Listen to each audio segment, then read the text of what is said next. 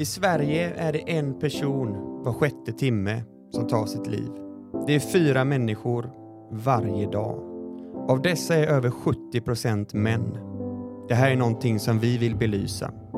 Det här är mänskliga tragedier som går att förhindra genom att vi vågar prata om detta tabubelagda ämne. Det är därför vi hörs här idag i en podcast som kan rädda liv. Varmt välkommen till Aldrig ensam-podden med mig, Charlie Eriksson. Och med mig, Erik Berg.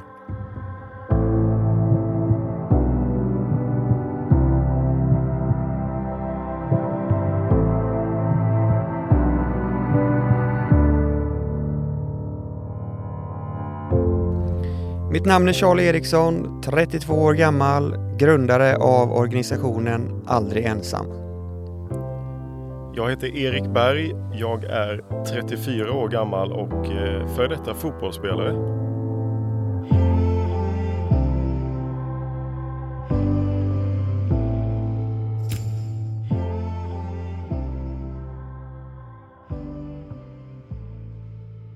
Stort tack Mekonomen för att ni gör den här podden möjlig och att vi kan få fler att prata om psykisk ohälsa. Så alla ni som lyssnar på podden, besök valfri Mekonomen butik eller verkstad. Stort tack Mekonomen!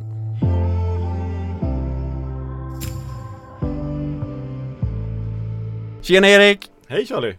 Hur är läget? Ja men eh, jag tycker det är bra. Väldigt bra faktiskt. Jag är i Göteborg. Ja, skönt att höra. Ja, det är trevligt. Äntligen! Ja, det var ett tag sedan faktiskt nu. Vad gör du här då? Ja men eh, framförallt så tittar jag på ditt ansikte. Igen? Ja, igen. Det gillar man. Eh, och så är jag nere med min fru som har Melodifestivalen här på lördag. Så att, eh, det Ja, är du kul. Det du kul åker med på Sverigeturné. Ja, det är fullt ös. Jag är med och peppar och stöttar henne. Roligt.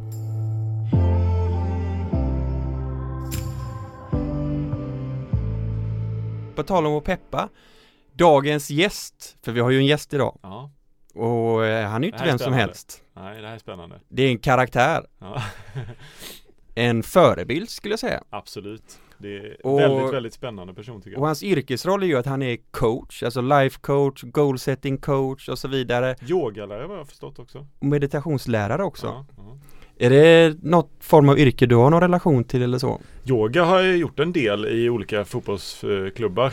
Eh, däremot så var det alltså där med intresset för det i vissa klubbar. Många somnade eh, under vissa yogaperioder. Men det kan ju också vara rätt bra. Eh, Avslappnande. avslappnande och sådär.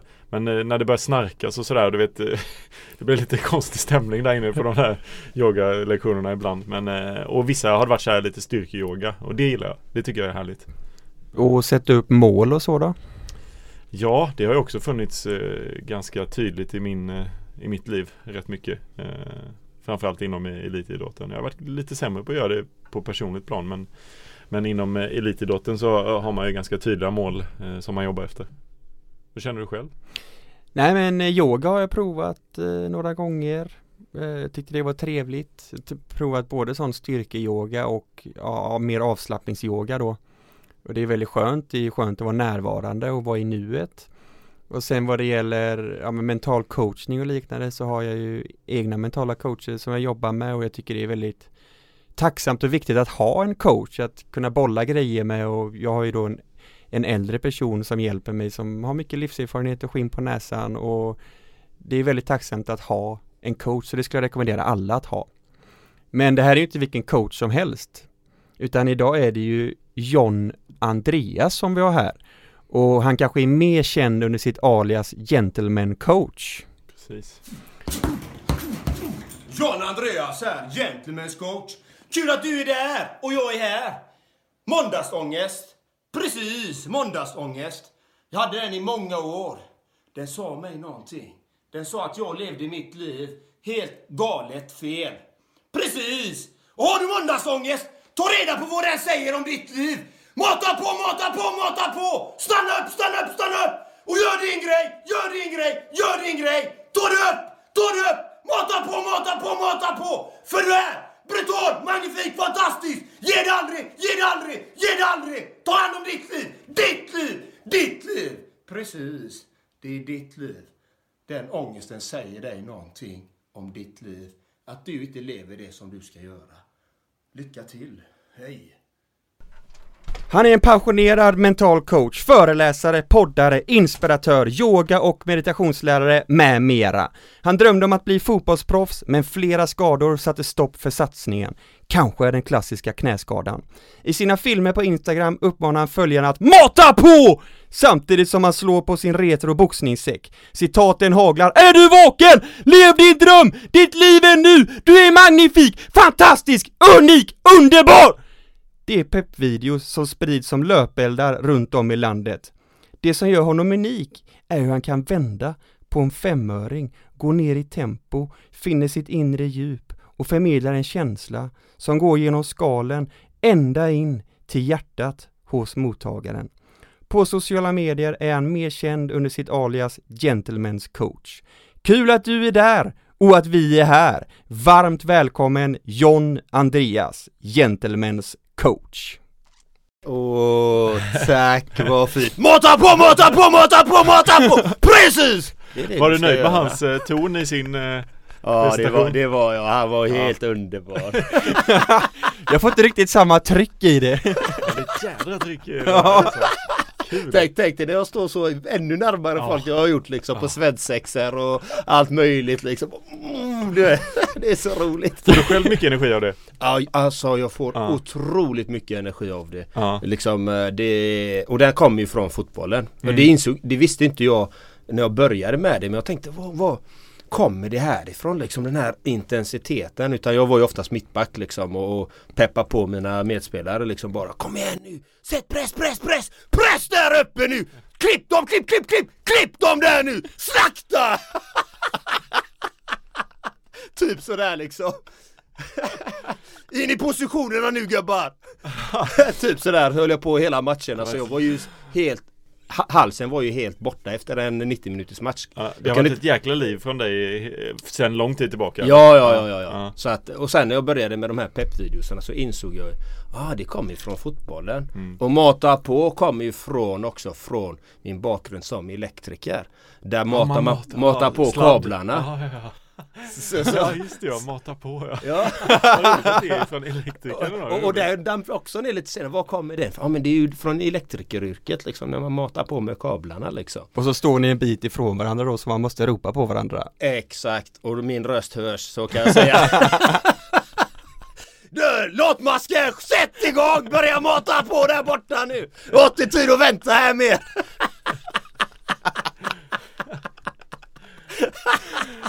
Jag hade kunnat lyssna på din röst hela dagen. Ja, tack vad snäll du Ja är. det är ett säreget tryck i den. Det är så att det kommer en vind. Ja, det är fint, fint att ha det här. Det ska bli Ja. spännande att prata lite med dig. Ja men fantastiskt, jag är väldigt tacksam. Ni har ett väldigt viktigt ämne som eh, berör mig väldigt mycket och just det ämnet eh, behöver talas mer om framförallt bland män. Eh, Därför heter jag också Gentlemen's coach för att jag ville nå just män. Mm. Eh, Att tala om de här sakerna, att våga möta sig själv i det här som kallas ibland mörker. Man kan Mm. kalla det smärta, lidande, psykisk ohälsa. Det finns många namn för det här. Så att det är därför jag är här idag. Ja, Det är vi väldigt tacksamma för och glada. Verkligen. Temadag. Det är skogens dag. Så vad är er relation till skogen? Ja, vad har du där? Åh, jag Eh. älskar skogen. Ja. Alltså skogen är tystnaden, lugnet, harmonin. Där, där kan man vara. Där kan man bara vara. Det finns I- inga krav, ingenting. Naturen är som den är. Den ger och vi får. Det är det det som- mycket i skogen? Jag är mycket i skogen. Mycket i skogen. Varje dag nästan i stort sett. Har du när, närhet till skog Ja. där du bor? Ja, jag är väldigt nära och jag älskar skogen och jag älskar att plocka kantareller och trattisar. Och, ja, jag älskar verkligen skogen. Jag kan vara där i flera timmar. Ja. Vad får den dig att känna? Nej men alltså det finns ju någonting vackert i skogen som inte som är svårt att uppnå i, i en storstad på det sättet. För det är så artificiellt här. Här har vi byggt upp eh, skyskrapor och tätbebyggt och, och i skogen så är allt väldigt harmoniskt. Det- är som det är. Att bara kunna få landa där. Jag tror att för mig är det en eh, viktig källa till eh, harmoni att komma ut i skogen. Mm. Ja, men jag, jag kan känna att jag, ju äldre jag blir nu, ju mer och mer stressad blir jag av att vara inne i stan. Eh, vi har, nu har vi flyttat utanför stan och bor i hus. Eh, inte tillräckligt långt ut eh, kan jag tycka. Men, men jag, för jag kände det när vi bodde i lägenhet inne i stan och så här. Jag vet inte, det är inte, jag mår inte bra av att vara mitt inne i stan, folk överallt. Eh, nej, det, jag, det är jag vet inte, det är något som sitter djupt i mig där som, nej, jag, jag trivs inte inne i smeten liksom. Nej, och det, och det är inte så konstigt. Det är för att vi, det är så mycket synintryck. Alltså vi, eller vi får, så, Bara? mycket- ja, vi, Ja. vi får så mycket Ja. intryck och det är både, både hörsel, det är synen, det, det är, kräver så mycket uppmärksamhet av oss så att vårt undermedvetna jobbar hela tiden konstant. Det, det kommer från höger och vänster och det, och det blir ganska utmattande. Eh, och det märkte jag ju stor skillnad när jag flyttade från stan. När man är i stan så är man ganska avtrubbad, man är ganska van vid det här. Men kommer man ifrån det ett tag så inser man herregud vad mycket intryck man får, vad det skapar inom en. Mycket Mm. stress liksom som lägger sig. Så därför är naturen väldigt vacker. För Mm. det, den bara är, du kan bara vara där. Du behöver inte vara beredd, vad som helst kan hända. För vi har ju, okej vi har ju lite vargar och björn här men det är inte så, Inte så ofta, farligt. Nej, inte ofta det blir några attacker. Nej, men här får man ju vara med på sin eh, vakt liksom. För här kan det komma bilar, det kan komma cyklar, sparkcyklar, människor. Och kanske någon vill fråga dig någonting så att det händer ju saker Mm. hela tiden inne i en storstad. Ja men skogen det gillar vi. Vad har du för koppling? Nej, jag gillar också skogen och vara ute i naturen och Sen eh, ofta när jag spelar golf så hamnar jag i skogen. det är inte så positivt kanske. Ja, ja. Nej men jag har alltid tyckt om att vara i skogen och vi hade lite skog bakom där jag växte upp i Falkenberg och varit ute och, i många år och plockat svamp och sådana grejer och Ja men det är det här lugnet, tystnaden fast det inte är tyst eller vad man ska säga. Det är lugnet, harmoni, alla färger, alla liksom naturens skådespel som pågår hela tiden och att man får vara en del utav det och, och bara sitta ner och titta och, och, och bara njuta. Det är en väldigt avkopplande känsla. Det är samma som att vara ute på en sjö eller ett hav. Jag tycker det är samma känsla. Att det vara ett med naturen. Mm. Mm. Vackert. Det, det är otroligt viktigt. Men sen kan jag tycka att skogen kan vara lite läskig också. När det är mörkt och så. Då vill du inte vara i skogen? Nej, det, nej. Nej, jag har sett för mycket film. Det får gärna vara dag och... ja, det får gärna vara ljust. Ja. ja. ja men kul. Då släpper vi skogen va? Ja.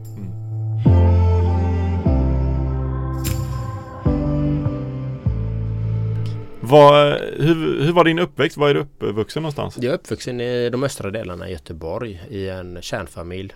Två bröder och en syster. Så jag är mellanbarn. Eh, Där är jag uppvuxen och eh, ja, det var svar på din fråga. Ja. Hur var din uppväxt? Jo, den var, nej men den var, den var speciell. Alltså mellanbarn, de söker uppmärksamhet och jag hade min, min tydliga riktning att jag ville bli fotbollsproffs redan när jag var liten. Liksom. Att, Ja. eh, såg jag Diego Armando Maradona. Han blev min idol. Tills han eh, fuskade och slog in en boll med handen. Då, då, då gick han rätt ner i papperskorgen. Bara han är inte min idol längre. Men han fuskar Har du riktigt. starkt rättspatos eller vad man säger?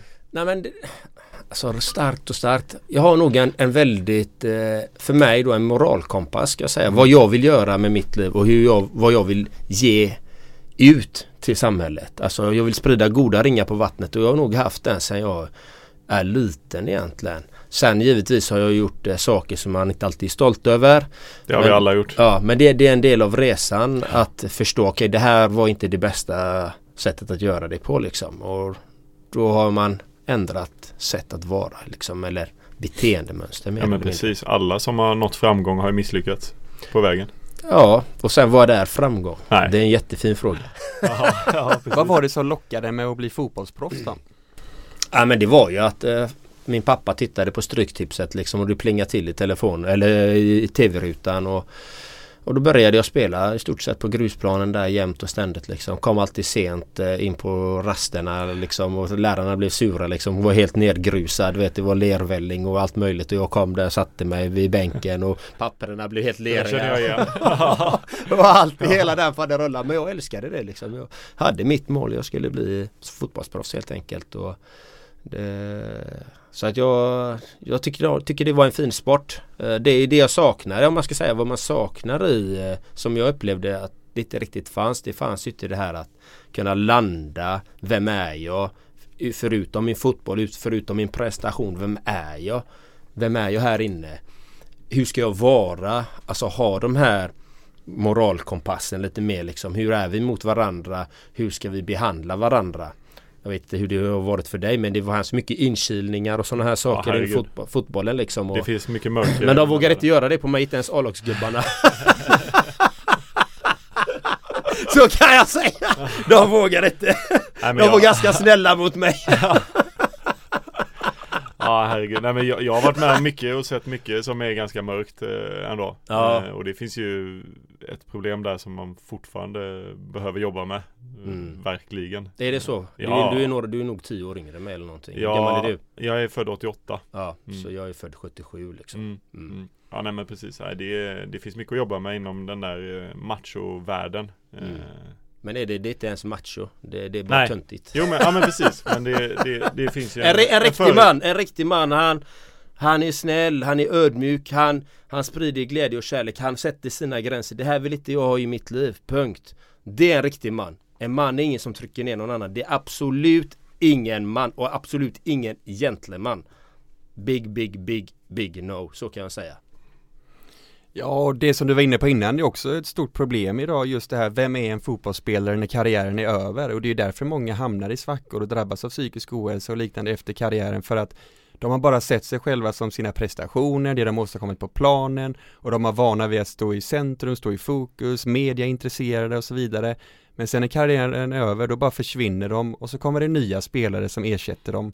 Så egentligen är ju alla fotbollsspelare bara en bit i ett pussel och det är nog svårt att acceptera när karriären är över. Ja, eller en som han har kommit till karriären. Nej, som i precis. mitt fall då. Ja. Som i mitt fall, jag blev ju aldrig Ja, fotbollsproffs. för vad hände, vad, hur var din resa fram till att inte bli fotbollsproffs? Ja, den, den var riktigt tuff kan jag säga. Ja. Alltså, eh, jag blev ju inte fotbollsproffs och utan att vara medveten om det så hamnade jag ju, jag blev ju utbränd redan på början av 2000-talet första gången. eh, Och jobbade på byggen som elektriker, något som jag hatade och vantrivdes med. Det var alltså, Mm. jag skulle bli proffs va. Ja. Och, och, eh, men jag, jag fick börja arbeta som elektriker och kämpa, kämpa där men jag vantrivdes. Och så gick jag in i utbrändhet och jag förstod inte att det hade med att jag hade en sprucken dröm. Att det som jag hade sett framför mig det blev inte av. Nej. Och då vantrivdes jag med allt annat i livet liksom. Eh, och det var jättejobbigt. Eh, jag insåg det senare liksom. Okej. det är därför jag blev en del, en del, inte hela sanningen men en del av det att det är därför jag hamnade i det tillståndet utbrändhet. Mm. Eh, så att det kan hända redan innan. Och jag vet ju många andra som som inte blir uppflyttade till A-laget till exempel hamnar i kriminalitet. Precis. Ja. Eh, de fick andra eh, problem liksom. Mm.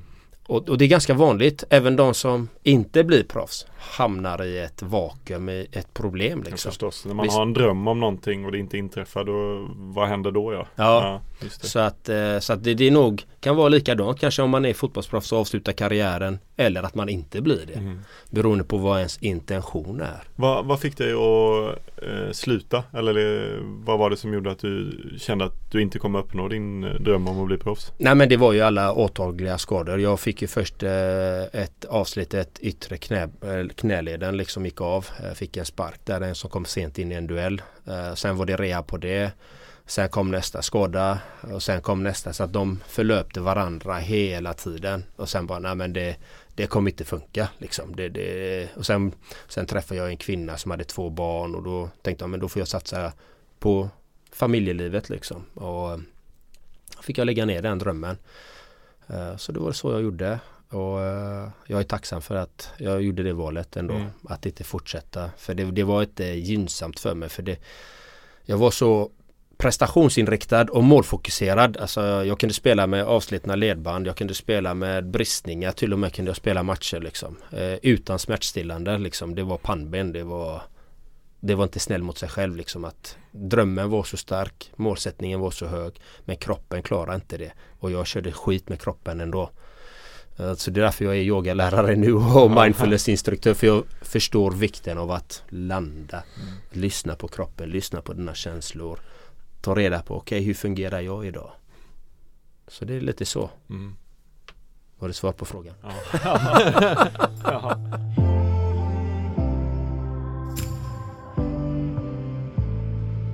Men du sa att du växte upp i ett område ja, utanför Göteborg men hur var din erfarenhet där av utanförskap? Mm, ja, men det, jag är ju halvfinsk och halvsvensk så att, eh, och sen uppvuxen eh, i östra Göteborg i en förort och där liksom, där fanns det ju svenskar, de höll, med, höll sig med varandra. Eh, finska höll sig med varandra. De med en annan etnisk bakgrund, de var som ett gäng. Mm. Och så fanns det jag som var, som var mitt emellan svensk och finsk. Så för de som var svenskar de såg mig som finne och de som var finnar såg mig som svensk. Så att, så att jag kände ingen samhörighet med någon av de här gängen. Jag var alltid välkommen ändå liksom. Men det var inte så att man kände sig att man var riktigt en i gänget ändå. Och då, eh, då kom det till mig. Ensam är stark. Det är någonting som jag har fått med mig sen jag är liten liksom. Har jag hört ensam är stark. Så då tänkte jag men jag är ensam. Jag kör mitt race liksom. No mercy liksom. Mm. Men det är ingenting som är bra att ha den mentaliteten att ensam är stark liksom. Eh, och idag då så känner jag mig inkluderad överallt var jag än går. Så det handlar egentligen om vem du är. Vad fint att höra att du känner dig det. Ja, ja. vem du är här inne. Det är hur trygg är jag inom mig. Och när du är verkligen, verkligen, verkligen trygg inom dig. Då kan du gå vart som helst, när som helst, göra saker som du aldrig har gjort tidigare. Oavsett om hela Sverige ska skratta åt mig som när jag gjorde mina pepvideos. Tänkte jag, hela Sverige kan skratta åt mig. I don't care. Bara jag träffar en människa mm. så har jag lyckats. Så då är man trygg. Då spelar det ingen roll vad någon tycker om en. Då vet man varför man gör det man gör. Det är en enorm skillnad. Det är, så då är man inkluderande. Då, då trivs man överallt var man än kommer och man blir en i gänget. Mm. Det är det som är så vackert. Vad fint! Ja, det är, att man trivs med sig själv ja, är så otroligt viktigt. Ja. Man är ju väldigt mycket med sig själv. det gäller att trivas då. det gäller att trivas. Men vi har inte, vi tre här inne har inte alltid gjort det va? Nej, Nej det gör man ju inte. Det är ett ständigt pågående projekt. Ja. Jag älskar att vara med mig själv så ska jag säga. Jag älskar verkligen att vara med mig själv. Men vad jag är min bästa att, vän. Vad fick dig att börja gilla vara med dig själv och vad fick dig att eller vad gjorde du för att älska dig själv? Ja, alltså det är ju många processer. Alltså allting löper ju samman liksom. Och, alltså jag började med personlig utveckling i början av 2000-talet. Men då var det personlig utveckling gällande eh, framgång ja. i, i materiellt eller ekonomiskt syfte eller statusmässigt eller karriärsmässigt. Där började jag då. Liksom. Men jag gick ändå igenom två utbrändheter och ett tillstånd levande död från 2000 till 2014. Någonstans där under den perioden har jag gått igenom två utbrändheter. Tapp, förlorat allt jag äger och har. Allt mitt ekonomiska välstånd. Vart i bottens botten. Men under den resan så började jag Hamnade jag, började med meditation. Och jag var ju inte sån där, du vet jag bara fan, vad är det där för humflum? Det där är inte min grej, du vet. Alltså sitta på en eh, stol eller sitta på arslet och bara blunda och tänka på andningen. Nej det där är skit alltså.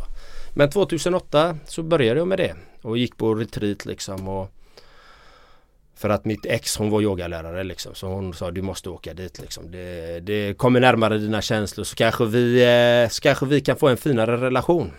Jag bara jajamensan, ja jag signar upp, jag åker dit liksom bara för din skull för att vi ska kunna jobba lite tillsammans och så här så att jag ska ha närmare till mina känslor men jag var totalt ointresserad av det där. Så jag hamnade, kom dit det var ju rastaflätor, det var dreadlocks och du vet pösiga kläder och allting. Och jag dömde ju alla. Hade du armarna i kors lite när du kom ja, dit? Jag, som, ja, som jag är här så, ja, så här då liksom ja, skjorta och så bara ja, ah, skeptisk. Började döma.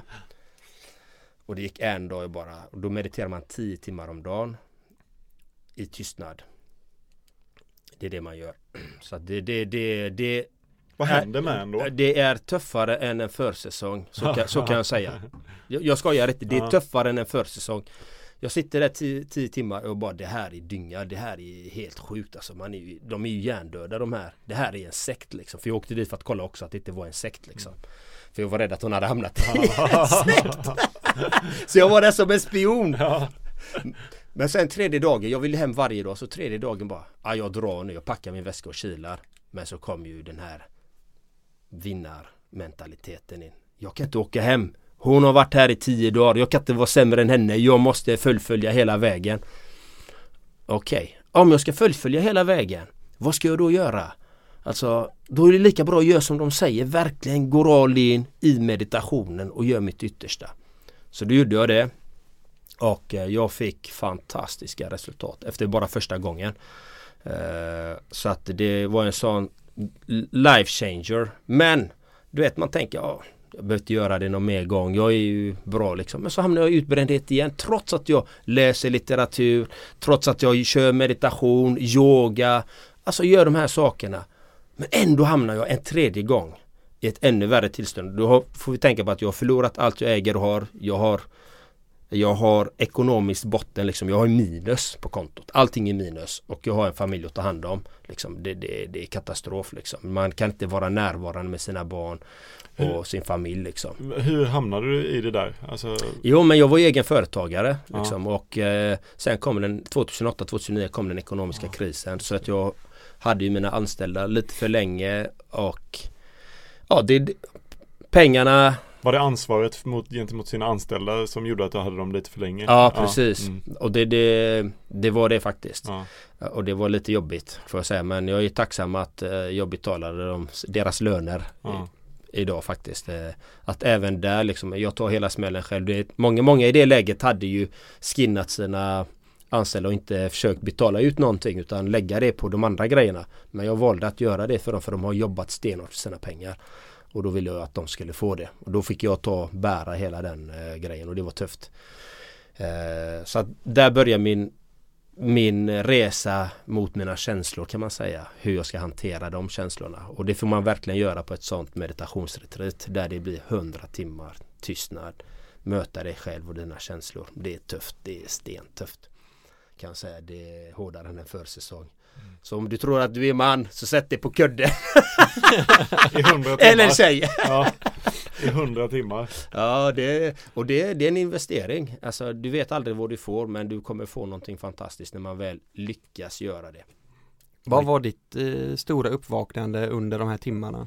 Uh, där var det ju att uh, jag lyckades se Alltså jag var ju så, jag var ju så arg jag hade så mycket ilska och frustration inom mig så sjunde dagen så var jag så arg så jag gick fram till meditationsläraren och sa till honom så här Du jag är så förbannad här va, så att jag kan slå sönder dig och alla här inne nu Jag är så sned, jag är så arg Och han bara helt lugnt tittar på mig så här Sätt dig ner bara, observera den känslan och du vet då blir jag ännu argare. Du vet, bara, och du vet jag är stor, jag är lika stor som jag är nu liksom.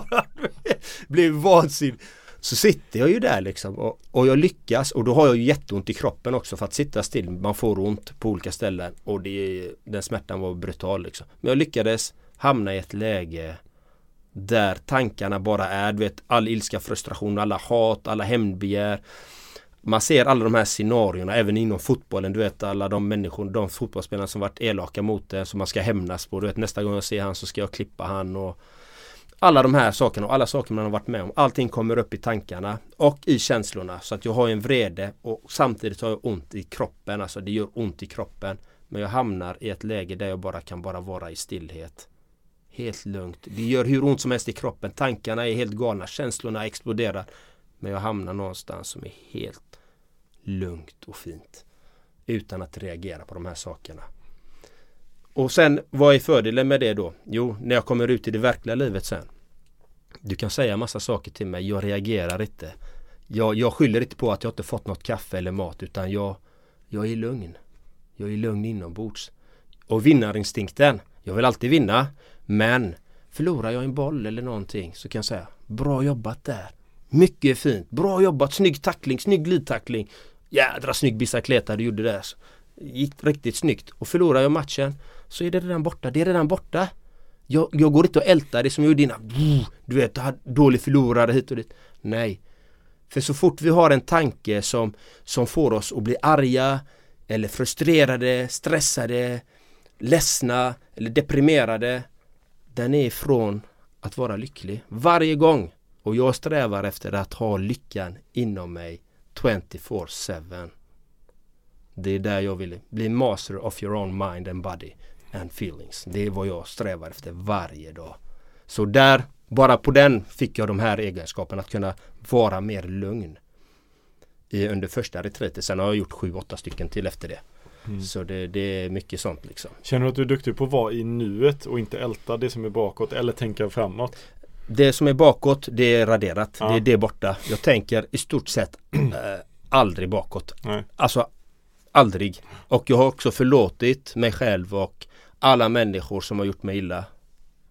Fint. Ja, de ju redan, det är passé. Det, det, det finns inte liksom. Så det är redan borta liksom. Och framåt, ja jag tänker på, eftersom jag är goalsetting coach mm. också, så jag har ju mina mål. Jag har ju en, en framtidsplan liksom hur jag vill att det ska se ut om tio år. Så långt är, ligger min mm. plan. Jag har tio, femårs, treårs och ettårsplan har jag. Liksom. Det här vill jag åstadkomma. Men det viktiga är ju då det, Som du som lyssnar, tänk på den här nu. Häng med här nu. Är du redo? Är du redo? Om du har ett mål så har jag en fråga till dig. Äger du målet eller äger målet dig? Vad innebär det? Vad innebär det? Jo, om du äger målet och du inte uppnår målet börjar du bli frustrerad, irriterad, arg då är det målet som äger dig. Men äger du målet så är det lugn, harmoniskt all the way. Det är det som är skillnaden. Och jag vill vara lugn, harmonisk och lycklig hela tiden. Så mycket jag bara kan. Även om du inte uppnår dina mål? Även om Precis. jag inte uppnår målen. Mm. Då är jag lugn, harmonisk, lycklig. Mm. För målet är, målet är bara ett mål. Och du, det är resan dit. Och vi vet inte när våran resa tar slut.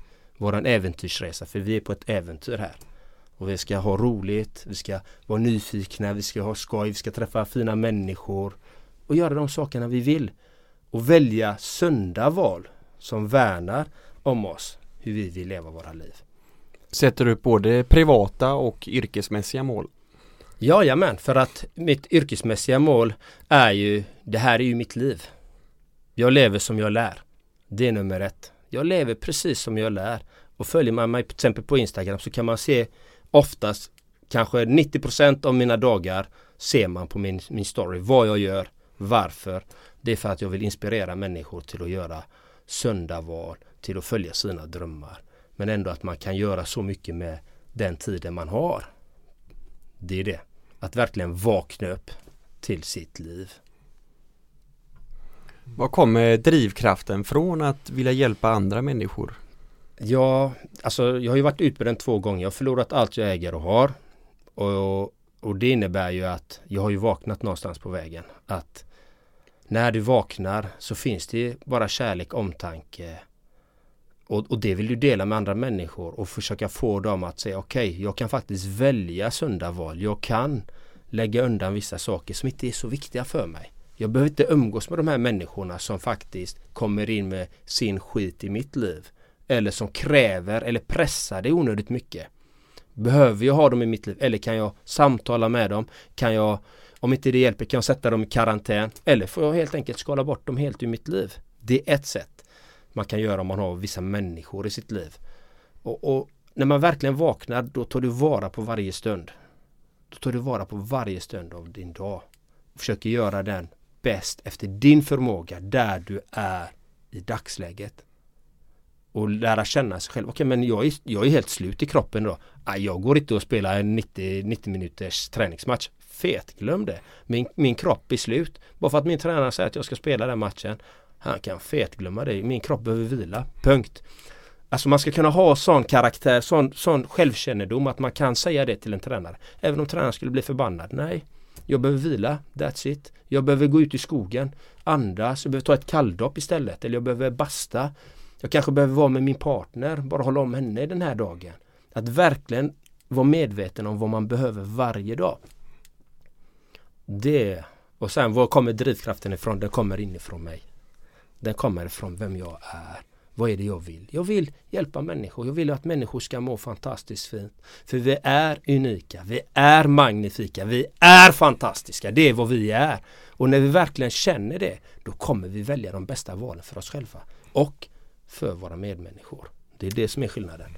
Hade du någon förebild i, liksom, som var på detta sättet? Som, Jag har många förebilder. Ja. Jättefin Ja. fråga. Ja. Jättefin fråga. Jag har ju både, eftersom jag är goalsetting eh, coach och så life purpose coach och så är jag yoga och mindfulness instruktör. Så att jag har ju från båda sidor. Från väst och från öst.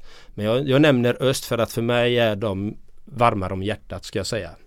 Och det är ju, eh, jag har ju Dalai Lama, jag har Buddha, jag har Gandhi. De, de, de sprider en fantastisk eh, filosofi. Tänk er själva Gandhi då. Han, han enade 200 miljoner människor. Alltså med fredlighet mot det brittiska imperiet.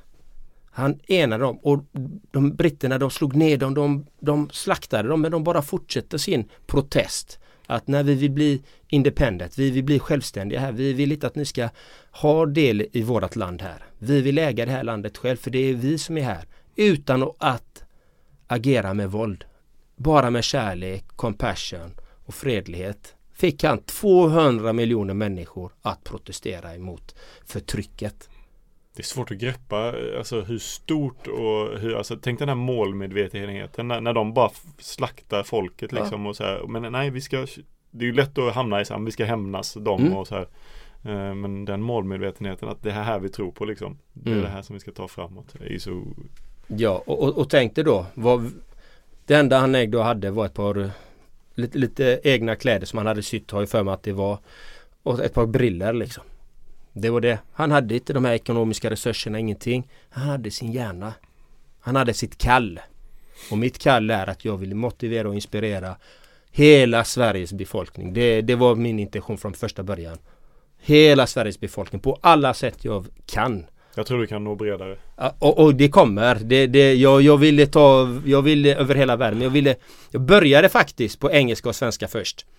Det var det, men jag insåg att nej, jag får koncentrera mig för att om jag ska expandera snabbt i Sverige så behöver jag bara koncentrera mig på Sverige till att börja med. Sen kan jag expandera eh, och köra eh, internationellt. För jag har, håller ju mina föreläsningar och mina yogalektioner på engelska. mm. Så att det är inga konstigheter. Men det, det kommer det också. Ja det ska bli spännande att följa din resa Ja, framåt. du är, du är så fin. Tack.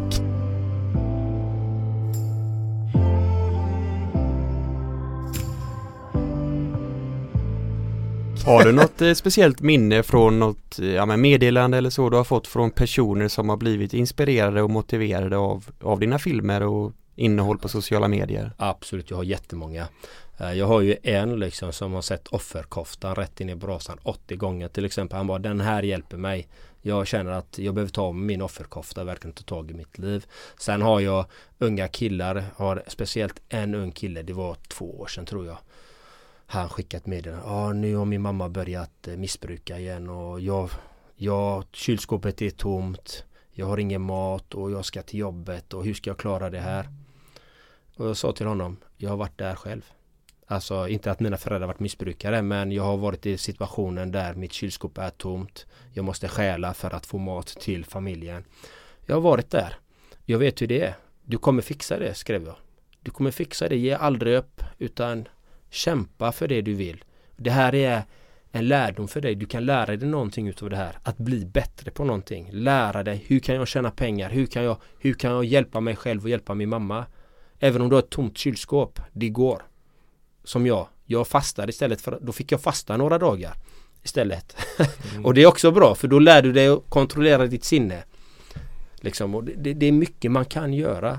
Och många har också uh, skrivit till mig. Jag tyckte det bara var en rolig prick från början. uh, men nu inser jag efter tiden att du har ett viktigt budskap. Sluta aldrig med det du gör. Den får jag oftast, även ute när jag är på stan. Sluta aldrig med det du gör.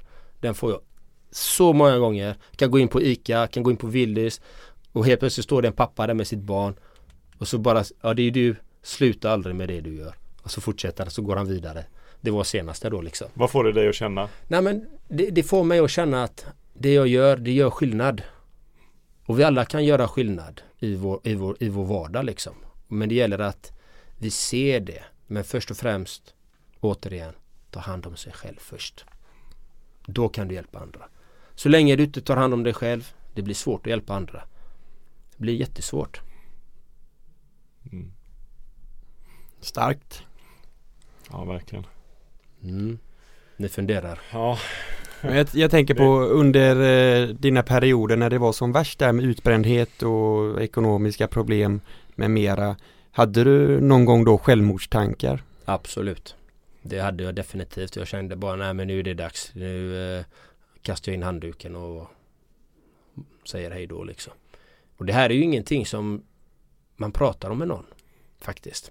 Och det här är viktigt liksom att det är därför jag finns. Kan jag säga för att jag vill att man ska kunna prata om de här sakerna och att ensam är inte stark. Vi ska inte klara allt själva utan vi behöver varandra. Och jag då började jag också lyssna på, du vet jag fortsatte ju ändå med min personliga utveckling. Jag lyssnade ju på de här munkarna, jag lyssnade på öst och jag lyssnade på de här Jag nämnde aldrig de från väst, vilka förebilder jag hade från väst. Det glömde jag. Mm. Ska jag ta dem ja eller? gör det. Gör det. Innan vi går in på det. ja, Det är eh, Zig Ziglar, det är Napoleon Hill, det är eh, Det är eh, Jim Ron De är grymma Napoleon Hill, Zig Ziglar och Jim Ron Om ni är intresserade av eh, den västerländska filosofin och vad står de för? De, det är goalsetting Goalsetting. men, men även Napoleon Hill, det här är en man eh, som forskar om framgångsrika människor och deras kvaliteter. Vad det är som gör så att de är framgångsrika. Och han skrev en bok som heter Think and Grow Rich. Eh, och den är otroligt bra om man är intresserad av de bitarna. Och den man kan se den på ett djupare perspektiv precis som de i öst för att han nämner de sakerna men han nämner dem i framgångstermer istället. Så att de kompletterar varandra väldigt väldigt fint liksom. Eh, Så det var det då. Nu ska vi tillbaka till där vi var och var var vi någonstans? Du kommer inte ihåg var vi var. Det var helt enkelt eh, dina Självmordstankar. självmordstankar och Ja. när det var som allra mörkast och hur hanterade du dina självmordstankar och vad var det som gjorde att, att du är här idag helt enkelt? Vad det är som Det var ju att eh, jag levde med en kvinna, hon hade två barn och jag kände att jag hade ansvar för dem. Och eh, det var det som höll mig kvar. Eh, och sen hade jag när jag var som värst liksom när jag verkligen alltså hade ärvda tennisskor på mig och trasiga brallor och du vet Jag var utmäglad, alltså jag var väldigt tunn, jag var, man såg revbenen, jag hade svarta påsar under ögonen. Alltså, ni hade inte känt igen mig så kan jag säga. Så eh, kom mina två bästa vänner Johan och David. Ni är fantastiska. Jag älskar er så att ni vet det.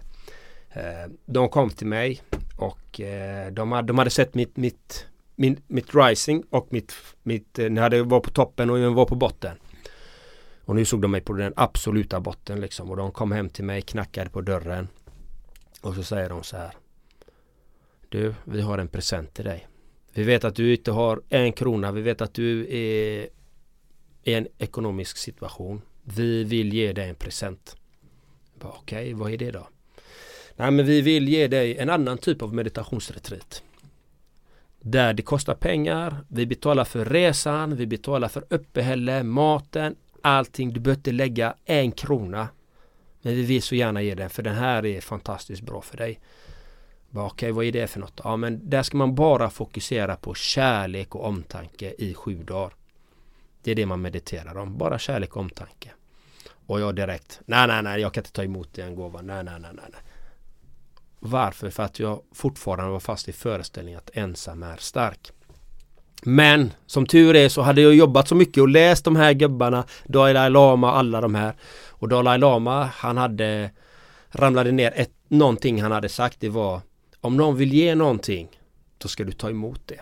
Varför? För det är viktigt för en personen att ge det. Så sa jag okej om det är viktigt för er Att ni verkligen vill ge den här gåvan Så ska jag ta emot den. Och Det jag fick efter den här resan kan jag aldrig aldrig betala tillbaka. För det var en sån gåva som är så vacker som jag önskar att alla människor får uppleva. Jag blir, jag blir berörd varje Jag ser det. Ja. Jag får hämta andan bara. Uh, jag har nära till eh, tårar.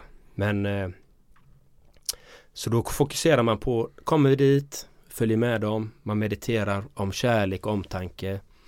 Och det var, vet inte exakt vilken dag det var, femte kanske någonting, så säger meditationsläraren så här. Idag är det en speciell dag. Idag blev Bödda upplyst, säger han.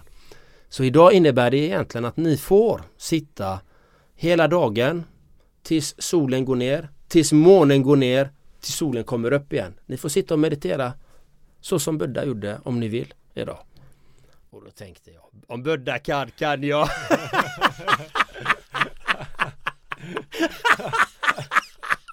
Om Buddha kan, kan jag.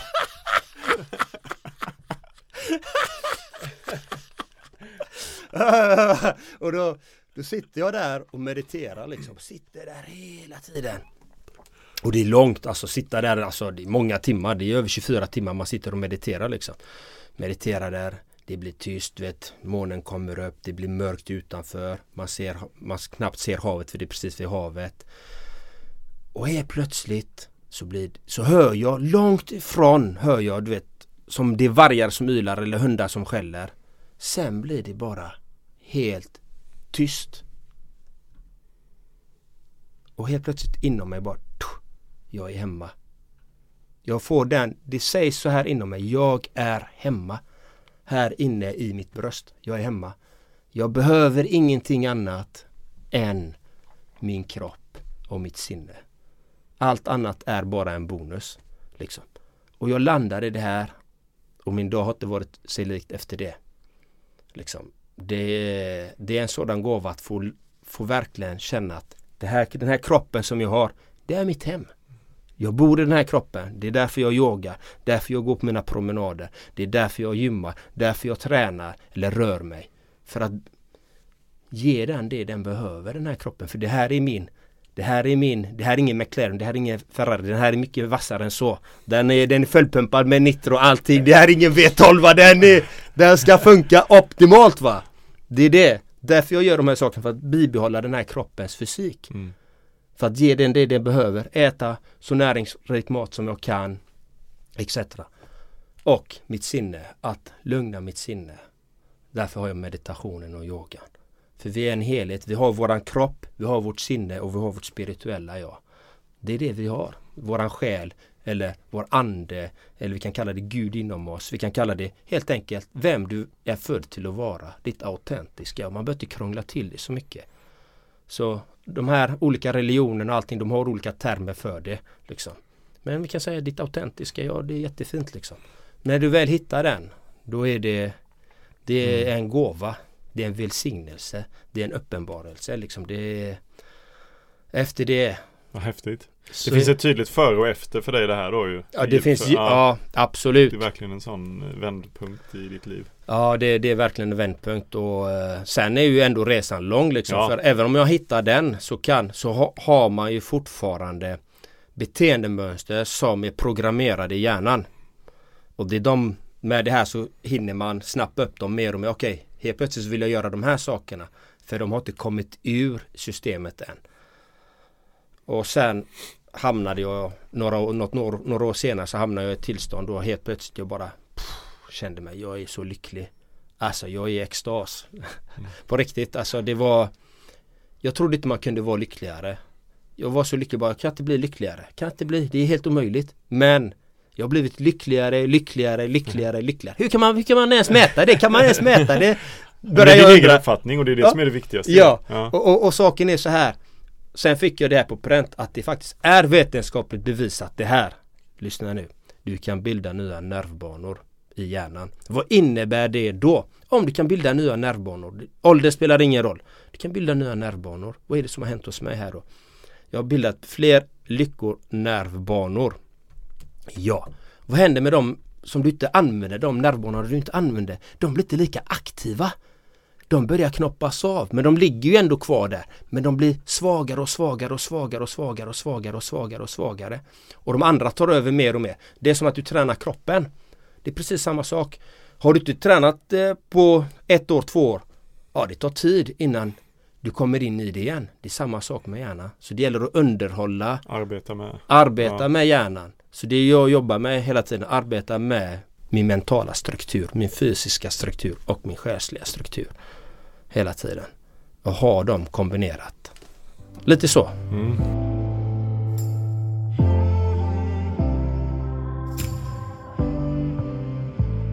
Ja, när du hade det som jobbigast och mörkast, då var det dina relationer som räddade dig. Vad betyder eh, relationer för dig idag och hur vårdar du dem? För det första, relationer är otroligt viktigt. Vilka du är med. Alltså det är så otroligt viktigt. För mig eh, vårdar jag mina relationer. Jag kan när, till min närmsta person, det är min älskling Nina då. Som jag träffade för sju år sedan. Och det är tack vare henne jag sitter här. För jag hade inte eh, gjort de här sakerna om det inte var för henne. Kan jag säga, jag hade inte börjat med sociala medier, ingenting liksom. Nothing, om det inte var för henne. Och hur vårdar jag den kärleksrelationen? Jag vårdar den på det här sättet att jag vill att hon ska vara en fri kvinna. Jag vill att hon ska göra de sakerna hon vill göra med sitt liv. Precis det, jag sätter inga krav. Du måste vara på det här sättet. Du måste diska, du måste städa, du måste, du måste handla, du måste laga mat. Ingenting. Det får vara damm i hörnen om det är så. Då får jag fixa det om, jag, vill, om jag stör mig på det. Hon, är, hon arbetar som konstnär. Liksom. Och hon, en konstnär, för er som inte vet hur en konstnär har det, de kan ha sina grejer lite överallt. Det kan vara på köksbordet, det kan vara på soffbordet, det kan vara på golvet. You name it. De kan vara överallt när hon är i sin kreativa fas. Men hon frågar mig alltid, idag kan jag och lägger, belamra hela köksbordet, soffbordet. Absolut älskling, du kan ha dem där. Varför? För att jag vill att de ska vara fri. Men inte bara det, utan då säger jag också, okej, okay, men om jag skulle råka göra sönder dem så är det här ett köksbord. Så du vet, så att jag tar inte ansvar för om de går sönder eller om jag trampar på ditt konstverk på golvet där om det ligger där. Det, det är inte mitt ansvar. Du har lagt dem där, okej, okay, fine. Och vad är det som händer då? Och det här är någonting viktigt i alla relationer här nu. I mitt, I mitt perspektiv. Jag vill att du ska vara fri. Jag vill att du ska vara fri. Så länge du eller du inte skadar mig på något sätt så vill jag att du ska vara totalt fri att vara den människan du vill. Säger du, nej men jag känner att jag behöver gå och vila nu. Då låter jag dig gå och vila. Jag säger inte, nej nej gå inte och vila. Eller, vi kanske har bestämt någonting. Vi ska åka till mina föräldrar. Och du säger helt plötsligt, nej men jag är trött, jag, jag orkar inte. Då säger jag till min älskling, stanna du hemma. Jag åker själv. För du, du vet vad du behöver. Du ska göra det du behöver. Men ofta så fastnar vi i det här att vi kräver saker av varandra. Och det är inte äkta kärlek, det är inte äkta vänskap. En riktig medmänniska, den ser till att du ska ha det bra på sitt sätt, att den vill att du ska vara fri. Och är du i en nära relation, är mitt råd, så ska du tänka så här. Hur skulle den här personen leva utan mig i sitt hem? Hur skulle den här vara eller tänk, tänk dig själv, hur är du själv när du är hemma? Du kanske lägger dina strumpor där, dina kalsonger där och din tröja, jacka kanske du inte ens hänger upp. Du kanske slänger den på soffan. Så ska det vara samma när det är med din partner. Att din partner kan göra de sakerna som att hon är själv hemma. Den är otroligt viktig för då känner partnern sig fri. Och det är det jag vill, för det ligger i mitt syfte också att jag vill att alla ska känna sig fria. För vi är födda till att vara fria. Det är det vi är. Så kan man tillämpa det i alla sina relationer då blir det mycket vackrare, det blir mer harmoniskt, det blir mer kärleksfullt. Så det är så man vårdar sina, till exempel jag har vänner, både Johan och David. Johan, han hör aldrig av sig. Johan, step it up, level up här nu Johan! Hör av dig Johan! Johan, vakna till nu! Johan, är du vaken? Plocka upp telefonen Johan!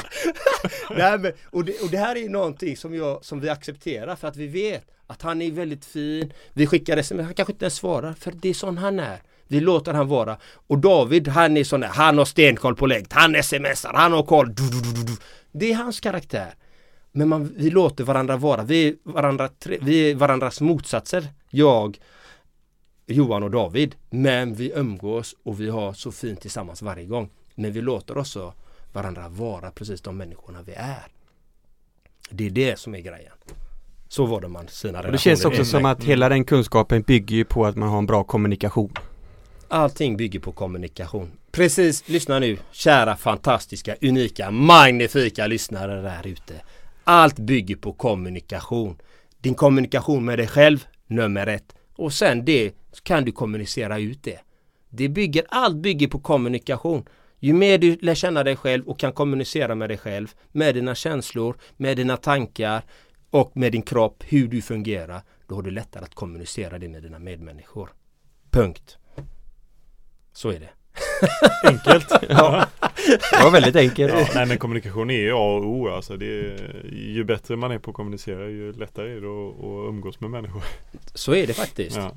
Och har du något viktigt att ge så ge kärlek. Det är det viktigaste du kan ge och det kan du ge på många olika sätt. Mm. Genom att låta dem få vara den. De kan få vara ledsna, arga, griniga. Jag vet att det är många som tycker det är jättejobbigt när ens partner är ledsen, arg eller grinig eller så här. Om du bara låter den människan få vara. Om hon är ledsen eller arg, låt personen vara. Kommer sen. Behöver inte komma dit med alla lösningar. Vi män vi gillar att, ja men du ska göra si och så, du ska göra så och så och så. Låt henne vara. Låt henne få vara fri. Sen kommer de tillbaka. Ja du jag tänkte igenom det här, så här kan man göra. Och fint liksom. Mm. Bara att låta människan vara. Och är det, blir det jobbigt, gå undan själv. Ta, jag tar en promenad nu älskling, ha det gött så länge. Eller pola, jag, jag tar en promenad eller jag gör något sånt här. Så att man tar ansvar för, för sina känslor och för sig själv. Den är otroligt viktig. Jag kan babbla alltså. Mm. Jaha, men det är bra, det är bra. Men hur tror du att vi kan få fler män att prata om sina känslor och psykisk ohälsa? Mm, För det känns som du har fokus på män ju. Ja, jag har fokus på alla Ja. men eh, alltså min inriktning var ju först och främst män men jag upptäckte ju också att kvinnor kommer till mig och blir coachade liksom och det finns ett behov av alla men kvinnor har ju ett annat eh, behov. De pratar ju mer om känslor än män. Men män är ju så doktrinerade i eh, hur samhället är uppbyggt. Det är därför det ska vara det här macho liksom. Man ska aldrig visa sig svag. eh, Man ska vara the number one, the best, the man liksom. Och hur man kan nå dem. Och jag försöker på alla sätt och vis som jag Mm. kan. Och det är därför den här podden finns. Ju fler män det är som öppnar upp för att prata om känslor, att vara mer medveten om sig själv. Desto viktigare är det och bättre blir det där ute. Ju mer vanligt det blir så. Till exempel är du en eh, entreprenör, du har eget bolag. Anlita en. Anlita oss här till exempel. Låt oss komma och föreläsa hos er och prata om de här sakerna så kommer ni göra en skillnad på arbetsplatsen, i skolor, i offentliga miljöer, på så många olika ställen som möjligt. Det är där vi behöver synas, de här männen som faktiskt har kontakt med sina känslor, som vågar visa vem de är. Den är otroligt viktig, så det är så vi kan bara bygga. Men till dig som lyssnar, fokusera först på dig själv, ta hand om dig själv. Sen kan man ge. Ju mer du tar hand om dig själv, desto mer har du att ge. Det är den som är otroligt viktig. Märker du någon skillnad i, du har ju olika typer av filmer, du har ju allt från att du står på boxningssäcken och skriker ut budskap till att du går i skogen och mer har en mjuk och djup ton. Märker du hur skillnaden blir huruvida män är mottagliga till ditt budskap? Nej, utan det, det är så här att de når den typen av man som behöver, även kvinnor når de väldigt ofta. Liksom. De, de når den typen av medmänniska som är, resonerar med just det som sägs just där och då. Och det är därför, därför jag har så spritt, för att jag vill ju nå så många människor på så många olika vis. Och då gäller det att träffa den människan där den befinner sig idag, just nu. Så därför jag har så otroligt många olika saker som jag gör liksom. Jag själv har en podcast, jag, jag har även musik på Spotify. Alltså jag försöker på alla medel sprida ringar på vattnet som är goda på olika energilägen, känslolägen, i text, i podcast, i röstform, i bildform. Så det, det försöker expandera så mycket som möjligt för att nå så många människor som möjligt. Så att mitt fokus är hela tiden vad kan jag göra för att träffa mer människor? Nå fler människor som Mm. behöver hjälp. Som behöver stöttning, tröst, omtanke, kärlek, pepp, motivation. Lite sisu, lite fighting spirit. Ja men nå- något som genomsyrar är att det finns ju ändå mycket ett element av humor i det. det jag har mycket också. humor, jag Ja. älskar livet, jag gillar att Ja, skoja. Vad spelar det för roll i ditt liv? Humor? Humor, alltså jag är en lycklig människa nummer ett. Mm. Jag älskar att skoja, jag älskar att skratta och jag, och jag bjuder mycket på det i mina sociala medier Mm. också. Så att eh, jag tycker det är en viktig del i livet att ha barnasinnet kvar. Ha nyfikenheten. Ta inte livet på så blodigt allvar. Ta inte det. Men det är ändå, det här är ju lite Alltså man ska ändå ta livet som ett blodigt allvar men ändå inte för det är ändå en lek. Man kan ta det som en lek fast det är blodigt allvar. Så de motsäger sig varandra. Men lever du med, med nyfikenhet och glädje och spontanitet då blir mer, livet mer rikt. Det blir mer rikt när du kan liksom. Som här, jag kommer till er. Liksom, sitter här.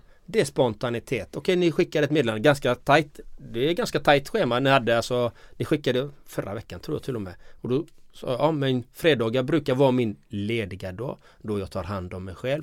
Även när jag jobbade som elektriker för att ta reda på vad det var jag skulle göra. Så då tog jag ledigt varje fredag. Så jag brukar vara ledig på fredagar och Mm. Ja det är på min lediga tid. Ja, Fatta precis. det nu! ni, ni, ni lyssnare och, och ni två här, det är fantastiska så att jag, därför är jag här vet ni. Det är vi tacksamma för. Verkligen. Verkligen.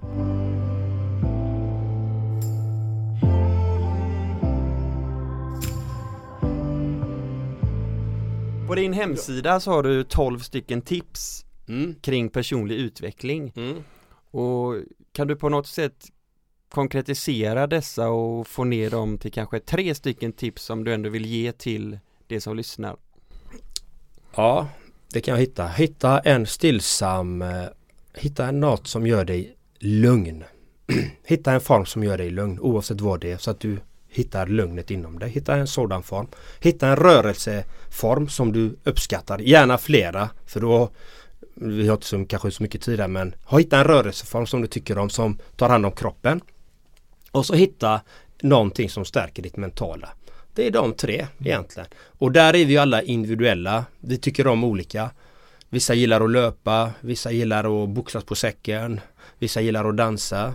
Alltså hitta en rörelseform och hitta en något som får dig att bli lugn och stilla. Hitta, en, hitta någon form av det. Kanske vara ute i naturen mer, stanna där, titta på en solnedgång eller soluppgång. Hitta det elementet eller hitta meditation eller en yogaform som passar dig där. Och så hitta något som, du, som, som stimulerar ditt intellekt så att du blir liksom mer skarp. Liksom. Det är det jag har som tre tips. Det är de tre viktigaste tipsen. Du bara, han bara nickar, nickar, Ja. nickar. Ja, Det är väldigt, det är så klokt. Ja. ja, men det är Det är som att sitta med facit. Sen är det göra jobbet, det är det som är det, ja, det, är det, som är det svåra. Det är Ja. tips fyra. Det är tips fyra. Nej, och, och tips nummer fyra är skala bort all skit. Enkelt. Mycket enkelt! Hur identifierar man skit då? Ja, det, det kan man ju identifiera som eh, hur mycket tid ägnar jag åt sociala medier, saker som inte ger mig någonting positivt. Ta bort dem. TV-nyhe- TV-nyheter, hur mycket tittar jag på det? Ja, behöver jag kolla på det så mycket? Ta bort det. Alltså, eh, umgås jag med människor som tar min energi eller som inte vill mig väl? Ta bort det. Det är ganska enkelt. Och har jag något typ av missbruk av något slag? Tar jag droger? Tar jag alkohol? Ja, hitta en metod för att bli av med det också. Liksom. Det missbruket. Så det är skit. Snabbt och lätt. Mm. Och nu kommer kanske det viktigaste idag och ditt största uppdrag. Det är att du nu får ska göra, det får gärna vara lite längre, ett rejält peptalk till oss som kämpar mot den psykiska ohälsan idag. Så nu ska du få, få några minuter här och bara köra ett rejält brandtal till varför man ska fortsätta kämpa och varför livet är värt att leva. Till alla där ute i vårt avlånga land, i vårt runda klot. Till alla er som arbetar för en psykisk hälsa.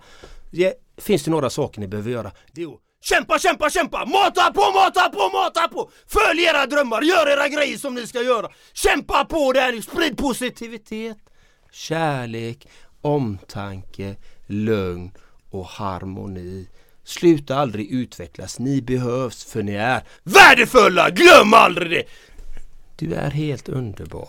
Ta med dig det idag och sprid kärlek. Namaste. Fint. Bra. Och jag säger psykisk hälsa.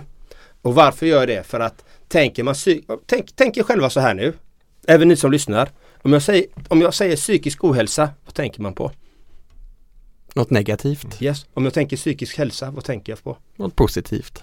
Ja, för när man tänker så, då riktar fokuset mot psykisk hälsa automatiskt. Så i alla sådana här lägen, välj det som är för det du vill åstadkomma. I alla lägen, i tal, i skrift, för det underlättar resan för att nå psykisk hälsa. Så jag är aldrig emot någonting, jag är för någonting alltid. Jag är för det vackrare alternativet. Och nu sitter det några lyssnare och tänker att Nej, vad underbart det var med peptalk så här kommer ett peptalk till. Kommer det till? Ja, du får en chans till. Ja, ni är fantastiska. Jag älskar er. Och älskar dig själv för du är unik, magnifik, fantastisk. Och sprid kärlek och omtanke. Ta med dig det idag. Ta hand om dig själv. Då har du mer att ge till andra. Ha det gött så länge. Nu har de energi för hela veckan.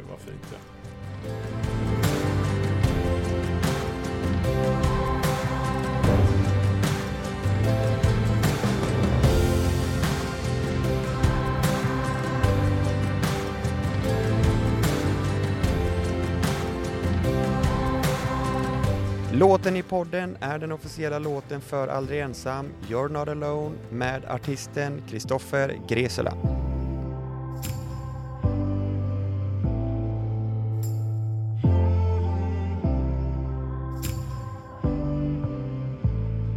Och om man vill följa dig eller få tag på dig och så vidare, hur går man tillväga då? Det bästa sättet är att gå in på min hemsida, läsa igenom vad som finns där och eh, dra iväg ett mail där. Det finns kontaktformulär där av olika slag. Så då skriver man in i vad det gäller, vad man vill samtala med mig om. Om det gäller föreläsningar, coachning, yoga, whatever. Eller kanske är ett skådespelaruppdrag, vem vet? Precis, vem vet? Och vad heter hemsidan? Gentlemanscoach.com Ja, det, det, Ni behöver bara googla Gentlemen's coach så kommer det upp. Det, det finns bara en och det Och så finns det på Instagram. Och så finns jag på Instagram Gentlemen's coach, på Youtube Gentlemen's coach. På TikTok heter jag The Real Gentlemen's coach för det var någon som tog namnet Gentlemen's coach. Och om du är du, ge det till mig, fatta det! För du är unik, magnifik, fantastisk. Jag behöver det mer än du, fattar det. Det var bara onödigt av dig. Ni ser jag har mycket nära till skratt. Jag älskar livet. Det är det som är grejen. Ja det är härligt, man får mycket energi av dig. Det, det var väldigt intressant att sitta och prata med dig här. Ja tack. Det var väldigt fint att få komma hit och hoppas att de fantastiska tittarna och lyssnarna har fått med sig någonting här idag. Och att de ska verkligen förstå och känna att de är värdefulla. För vi är på en vacker äventyrsresa. Vi vet inte hur länge den kommer vara. Det, vi har ingen aning. Vi kan bara förutspå framtiden. Men framtiden är här och nu. Det är det enda vi har. Det är vårt nu. Så det är mina slutord där. stort tack John Andreas. Tack så hemskt mycket. Tack att jag fick, fick vara med. Ha det gött så länge. Ha det gött. Ha det gött. Hej hej. Stort tack för att ni har lyssnat på dagens avsnitt. Kom ihåg att prenumerera på podden, sprid den vidare så att vi får fler att prata om psykisk ohälsa. För tillsammans gör vi en skillnad som kan rädda liv.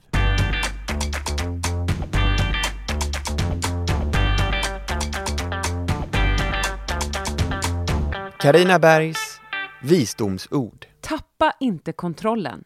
Släpp den bara.